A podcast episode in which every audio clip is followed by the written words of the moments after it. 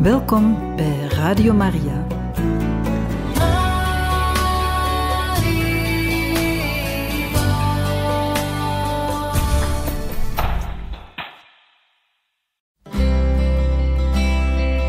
Welkom bij Boekat, een programma van Radio Maria.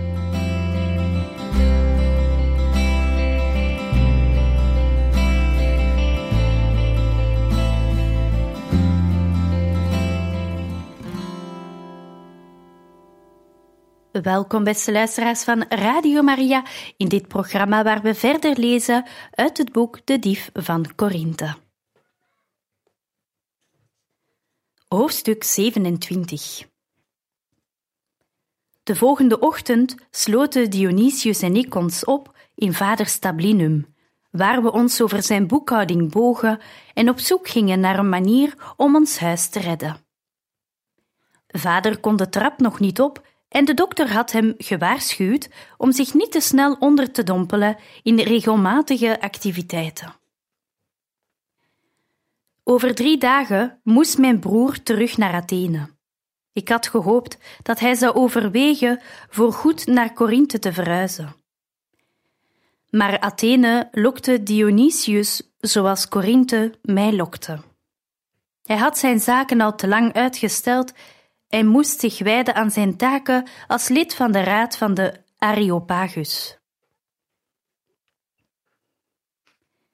Ik moest te vaak afscheid nemen in mijn leven. Dat zou nooit veranderen nu Dionysius had aangegeven Athene tot zijn permanente thuis te maken. Maar dit keer zou het tenminste een afscheid zijn tussen mensen met ongebroken liefde voor elkaar. We maakten nu al plannen voor ons volgende bezoek. Mevrouw? Ik had Galatea niet horen binnenkomen in het tablinum. Haar blote voeten maakten geen geluid na jarenlange strenge training onder Aniketos. Ze bleef handen wringend staan, haar gezicht rood aangelopen. Wat is er, Galatea? Er is een man aan de deur die erop staat om u en mijn meester te spreken. Ik heb uitgelegd dat meneer Galenos ziek is en niet gestoord mag worden. Hij had de onbeschaamdheid om spottend tegen me te grijnzen. Gebroken botten zeker, zei hij. Ik probeerde een kolom cijfers te lezen. Het is ondertussen waarschijnlijk algemeen bekend dat vader zijn been heeft gebroken, zei ik. Je weet hoe de mensen praten, Galatea. Mevrouw, hij weigert weg te gaan. Hij zit in het vestibulum rozen uit uw potten te plukken. Hij staat erop meester Galenos en u beiden te spreken en wil nergens anders genoegen meenemen. Verontwaardigd om de mishandeling van mijn bloemen, legde ik de rol opzij. Hoe heet hij? vroeg ik. Aulus Papirius. Nooit van gehoord, zei ik. Dionysius stond op. Ik zal het wel afhandelen. Nieuwsgierig liep ik achter mijn broer aan, verwonderd om de vermetelheid van de ongewenste bezoeker. Een magere man met donker, krullend haar en een lange, knokkige neus had een handvol van mijn rozen verzameld tegen de tijd dat we bij hem kwamen. Hij glimlachte toen hij me zag. De beroemde Ariadne van Korinthe. Je bent op klaarlichte dag nog mooier dan in het holst van de nacht. Ik verstijfde. Ik heb u nooit ontmoet, meneer. Niet formeel, dat is waar. Dionysius stapte naar voren. Ik moet u vragen ons huis te verlaten, Papirius. U stoort ons en uw manieren zijn geen aanbeveling om u welkom te heten. Ik meen dat je zus en vader er anders over zullen denken als ze de aard van mijn zaak ontdekken. Als dit een zakelijke kwestie is, dan moet u later terugkomen. Mijn vader is niet goed, zoals u reeds te verstaan is gegeven. Ik stoorde me aan Papirius al te zelfverzekerde houding. Hij leek zo zeker te weten welkom te zijn. Het schoot me te binnen dat dit de geldschieter kon zijn, aan wie vader nog een aanzienlijke som schuldig was. Maar waarom had hij dan naar mij gevraagd? En de lening moest pas over een maand worden afbetaald. Toch leek dat het enige wat zijn arrogantie kon verklaren. Papirius schonk me een onaangename glimlach. Als je je privézaken hier wilt bespreken waar iedereen ons kan horen, dan heb ik geen bezwaar. Er voer een rilling door me heen, als een waarschuwing. We konden beter te weten komen wat er achter zijn bedekte toespellingen zat, dan in het ongewisse blijven. Kom, zei ik, ik zal u naar mijn vader brengen, maar mijn broer gaat mee. Ik hoop dat je daar geen spijt van krijgt. Het is mijn bedoeling om vrij uit te spreken. Hij liet mijn kostbare roze en witte rozen op de grond vallen en stond op. Ik heb geen geheimen voor mijn broer. Ik wisselde een onrustige blik met Dionysius en ging voor de mannen uit de trap op naar vaders kamer. Hij was wakker en had kennelijk ook geen idee wie Papirius was. Papirius nam ongenood plaats in de enige stoel, vouwde zijn lange ledematen op de dikke kussens en maakte het zich gemakkelijk. Ik ben in het voordeel, want hoewel we elkaar nooit hebben ontmoet, heb ik de gelegenheid gehad jullie beiden enige tijd te observeren. Een uiterst vermakelijke avond, dankzij jullie, Galenos en Ariadne. Ik voelde me een muis tussen de klauwen van een kat. Hij speelde met ons, speelde als iemand die de macht had. Mijn maag trok samen. Wees duidelijk, man, blafte vader. Laat me jullie een amusant verhaaltje vertellen. Alles aan de man was mager, zelfs zijn rode tong die naar buiten glipte, naar zijn natte, smalle lippen.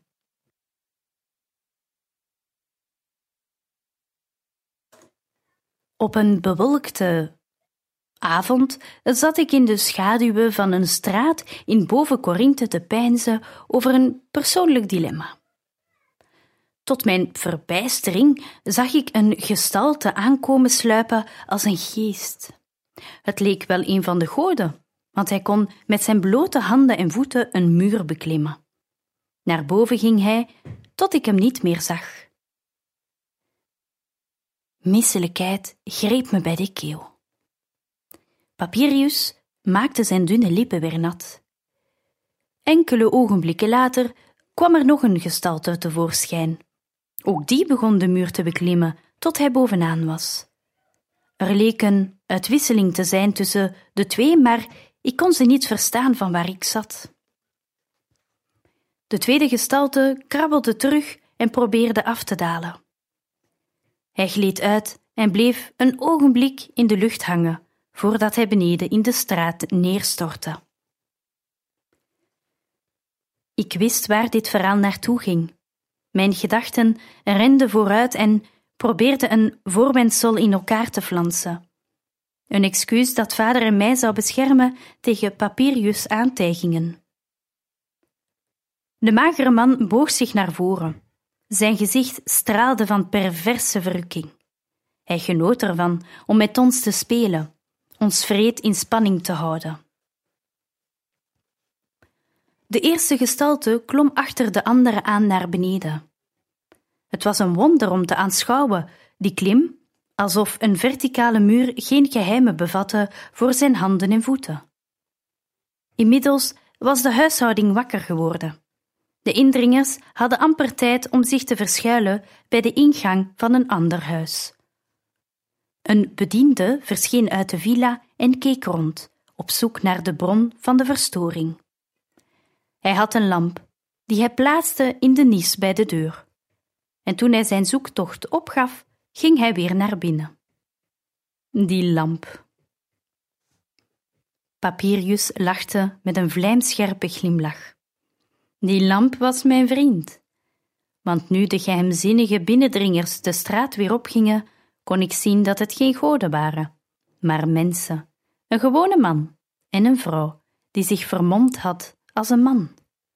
Ik herkende hen niet, maar ik was van plan dat te verhelpen. Ik volgde hen. Dat was niet zo moeilijk, want de vrouw moest de man dragen. Hij was kennelijk gewond geraakt bij zijn val. Langzaam gingen ze hierheen, naar ditzelfde huis, het huis van Galenos en zijn dochter Ariadne. Ariadne, die een erekrans heeft gewonnen bij de Itmische Spelen. Hij wees naar vader en mij. De man en vrouw die ik die nacht zag toen ze inbraken in Gratos huis. Ik sloeg mijn armen over elkaar en stond recht als een paal. Wat is daarmee? Jullie zijn dieven. Geen gewone dieven hoor, jullie zijn de eerbare dief. Een van jullie, of allebei, of jullie samen. Dat weet ik niet en dat kan me ook niet schelen. Het bloed trok weg uit mijn gezicht. Wat is dat voor gekkigheid? Ik wilde een streek uithalen met mijn vriend Gato. Dat is alles. Vader vond het smakeloos en kwam me halen. De rest is onzin die u in uw eigen hoofd hebt verzonnen.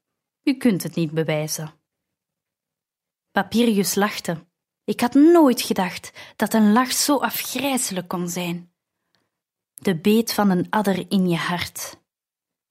In feite kan ik het je wel bewijzen, zei hij, terwijl hij over zijn ogen veegde. Je hebt een brief laten vallen, terwijl je je vader hielp. Al dat bukken en hijsen en tillen. Hij moet losgekomen zijn van waar je hem had gestopt.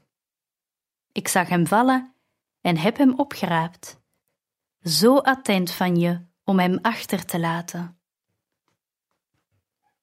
Mijn hart zonk net zo snel en diep als de paralus. In de opwinding na vaders ongeluk was ik de brief compleet vergeten. De brief die ik had geschreven, ondergetekend met de eerbare dief. De brief die ik aan de Bema had willen ophangen als ik klaar was met de beroving van Grato. Ik zakte tegen de muur in elkaar. Ineens schoot het beeld van Jezus aan het kruis tussen twee misdadigers door mijn hoofd. De misdadiger die Christus had vergeven, werd toch gekruisigd. Hij ontsnapte niet aan de gevolgen van zijn daden, maar hij ontving een eeuwige beloning. Waarom had ik gedacht dat ik de straf voor mijn misdaden kon ontlopen? Papirius schudde een vinger tegen me. Neem mijn raad aan, jonge dame. Dit is geen leven voor je. Ik twijfel er niet aan dat je er de moed, de brutaliteit, het lichamelijke uithoudingsvermogen en de sierlijkheid voor hebt. Maar het ontbreekt je aan de volkomen genadeloosheid die er voor nodig is. Je bent te zacht. Hij schudde zijn hoofd. Ik daarentegen ben genadeloos en vastberaden genoeg. Helaas wil mijn lichaam niet meewerken. Wat wil je van ons? Vroeg vader nors. Ik wens alleen jullie assistentie, een simpele ruil. Ik geef jullie brief terug als jullie een doos met documenten voor me halen. Waar vandaan? zei mijn broer hard.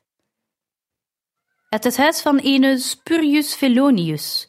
Zijn huis staat vlak bij Gratos Villa. Ik ademde scherp in. Nu begreep ik het. Daarom was u daar die nacht. U wilde Felonius' villa binnendringen. Papirius haalde zijn schouders op. Ik was alleen aan het kijken. Dat is niet bij de wet verboden. Het is onmogelijk, zei ik, en ik sloeg mijn armen over elkaar. Als u dat huis hebt bekeken, weet u dat het een fort is. Ik ben meerdere keren binnen geweest het komt aan de achterkant uit op een rotsige heuvel die nog steiler is dan een muur. Die rots is niet te nemen. De voorkant wordt dag en nacht bewaakt. Felonius heeft geen enkele keer in de bescherming van dat huis opengelaten. Denkt u soms dat ik een adelaar ben, dat ik vanuit de lucht in zijn villa kan neerdalen? Je vindt er wel iets op. Papirius grijnsde zelfvoldaan. Ik geef je een voortreffelijke motivatie om te slagen. Ik ergde me verschrikkelijk aan die man. Heb je vijanden lief, beval Jezus. Verwachtte God dat ik dat glibberig insect lief had? Dat ik aardig voor hem was? Geduld met hem had? Ik had kennelijk nog een lange weg te gaan om te worden als Christus, als dat zijn verwachtingen waren. Mijn vader houdt, zoals u ziet, het bed met een verbrijzeld been. Hij kan niet eens de trap af, laat staan een muur beklimmen. Zo'n getalenteerd meisje als jij heeft geen hulp van haar vader nodig. Je kunt het alleen. Onmogelijk, verklaarde mijn vader.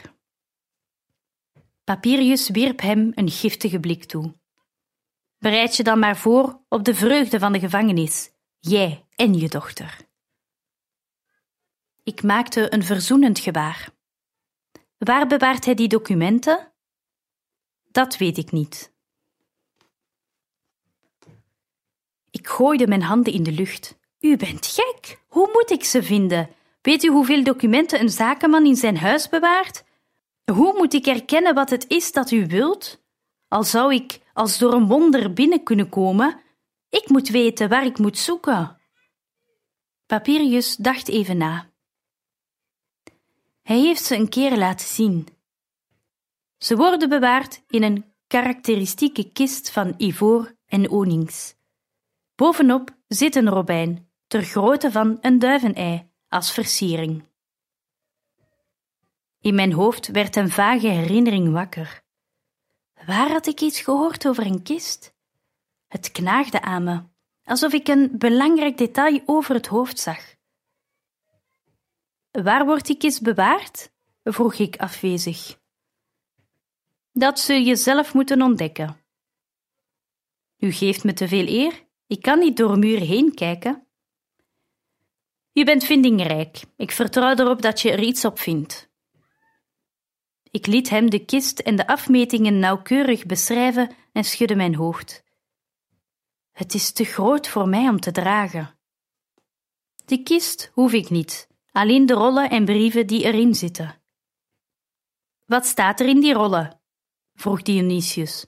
Waarom wilt u die hebben? Dat zijn mijn zaken, snauwde Papirius.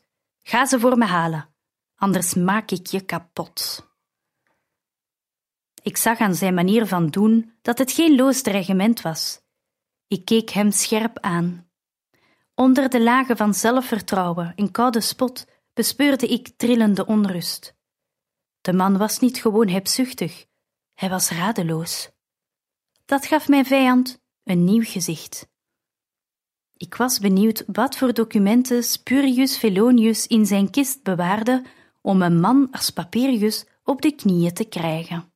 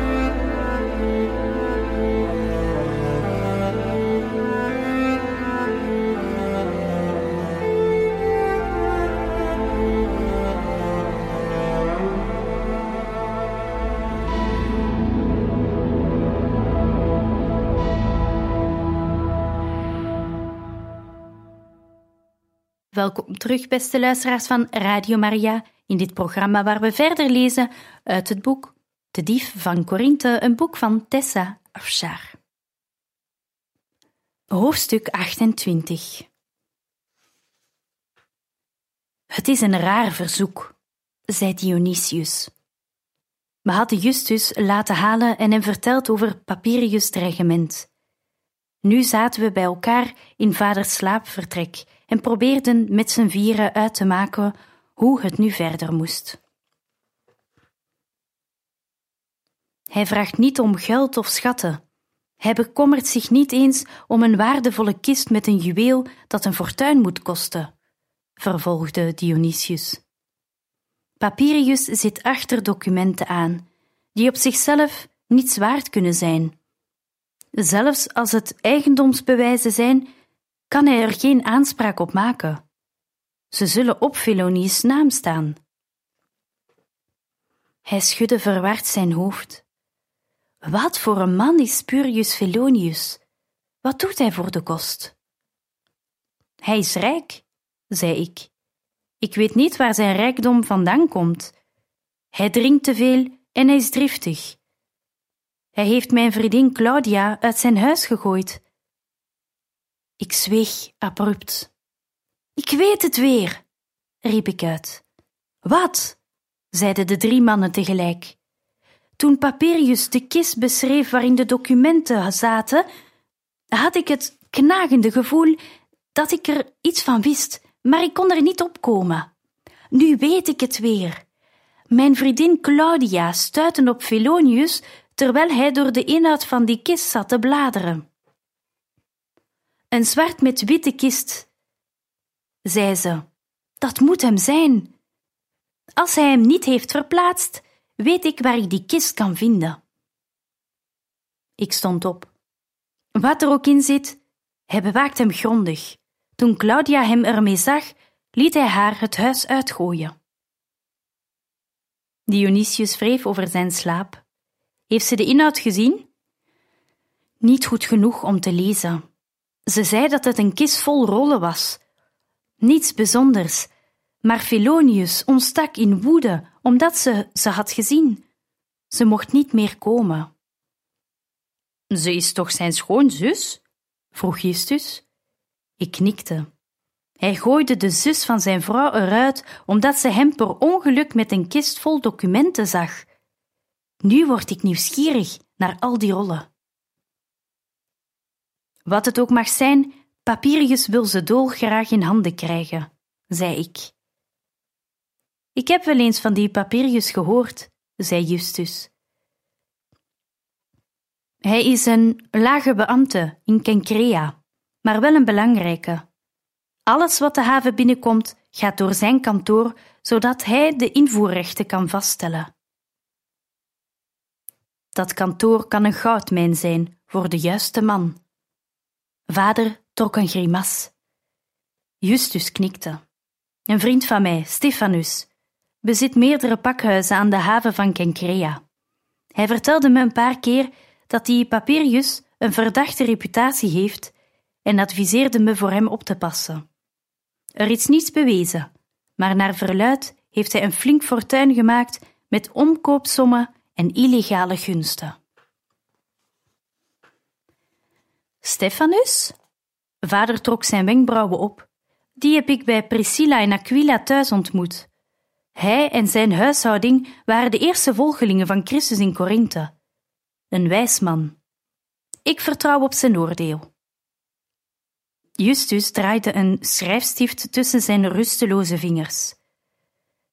Als iemand bewijs had van Papirius' oneerlijkheid, als ze de documenten hadden waarin bewezen wordt dat hij bijvoorbeeld een omkoopsom heeft aangenomen of zijn positie misbruikt voor persoonlijk gewin, dan zou hij zijn baan kwijtraken. Dat zou het einde zijn van een rendabele loopbaan.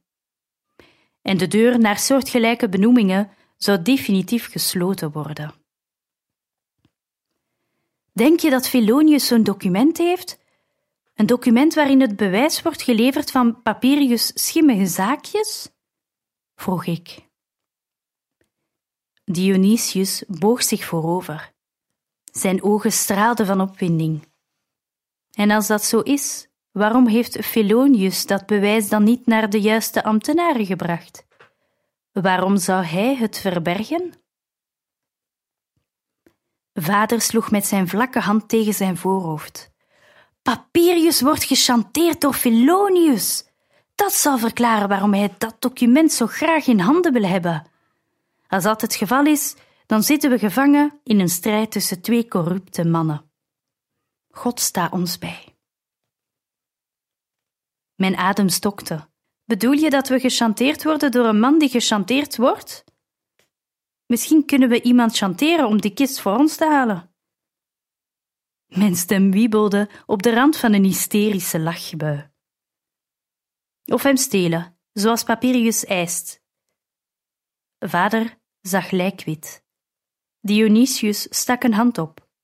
Dit zijn vermoedens en geruchten. Zelfs al is Felonius een afperser, dat geeft jou nog niet het recht om hem te beroven.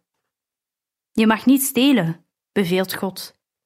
Hij zegt niet: Je mag niet stelen van goede mensen, maar de kwade staan tot je beschikking. Ik voelde me alsof ik een steen had ingeslikt. Het was leuk en aardig om wonderen van God te ontvangen en zijn verdiende genade aan te nemen, maar je moest een prijs betalen als je bij hem hoorde. Je mocht je leven niet langer onder je eigen voorwaarden leiden. Je mocht het verkeerde dat je deed niet wegredeneren, jezelf niet beschermen met een web van sussende leugens. Je mag niet stelen. Omdat we dat gebod niet hadden gehoorzaamd, moesten vader en ik de gevangenis in. Een donkere sluier viel over de kamer. We zagen geen uitweg.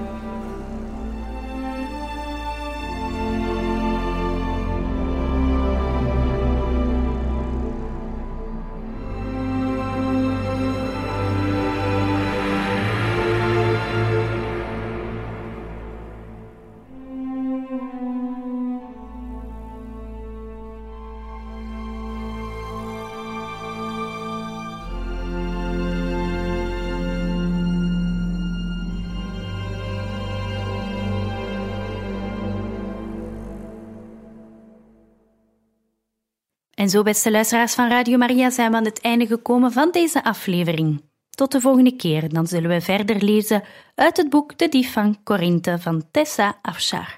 Tot dan.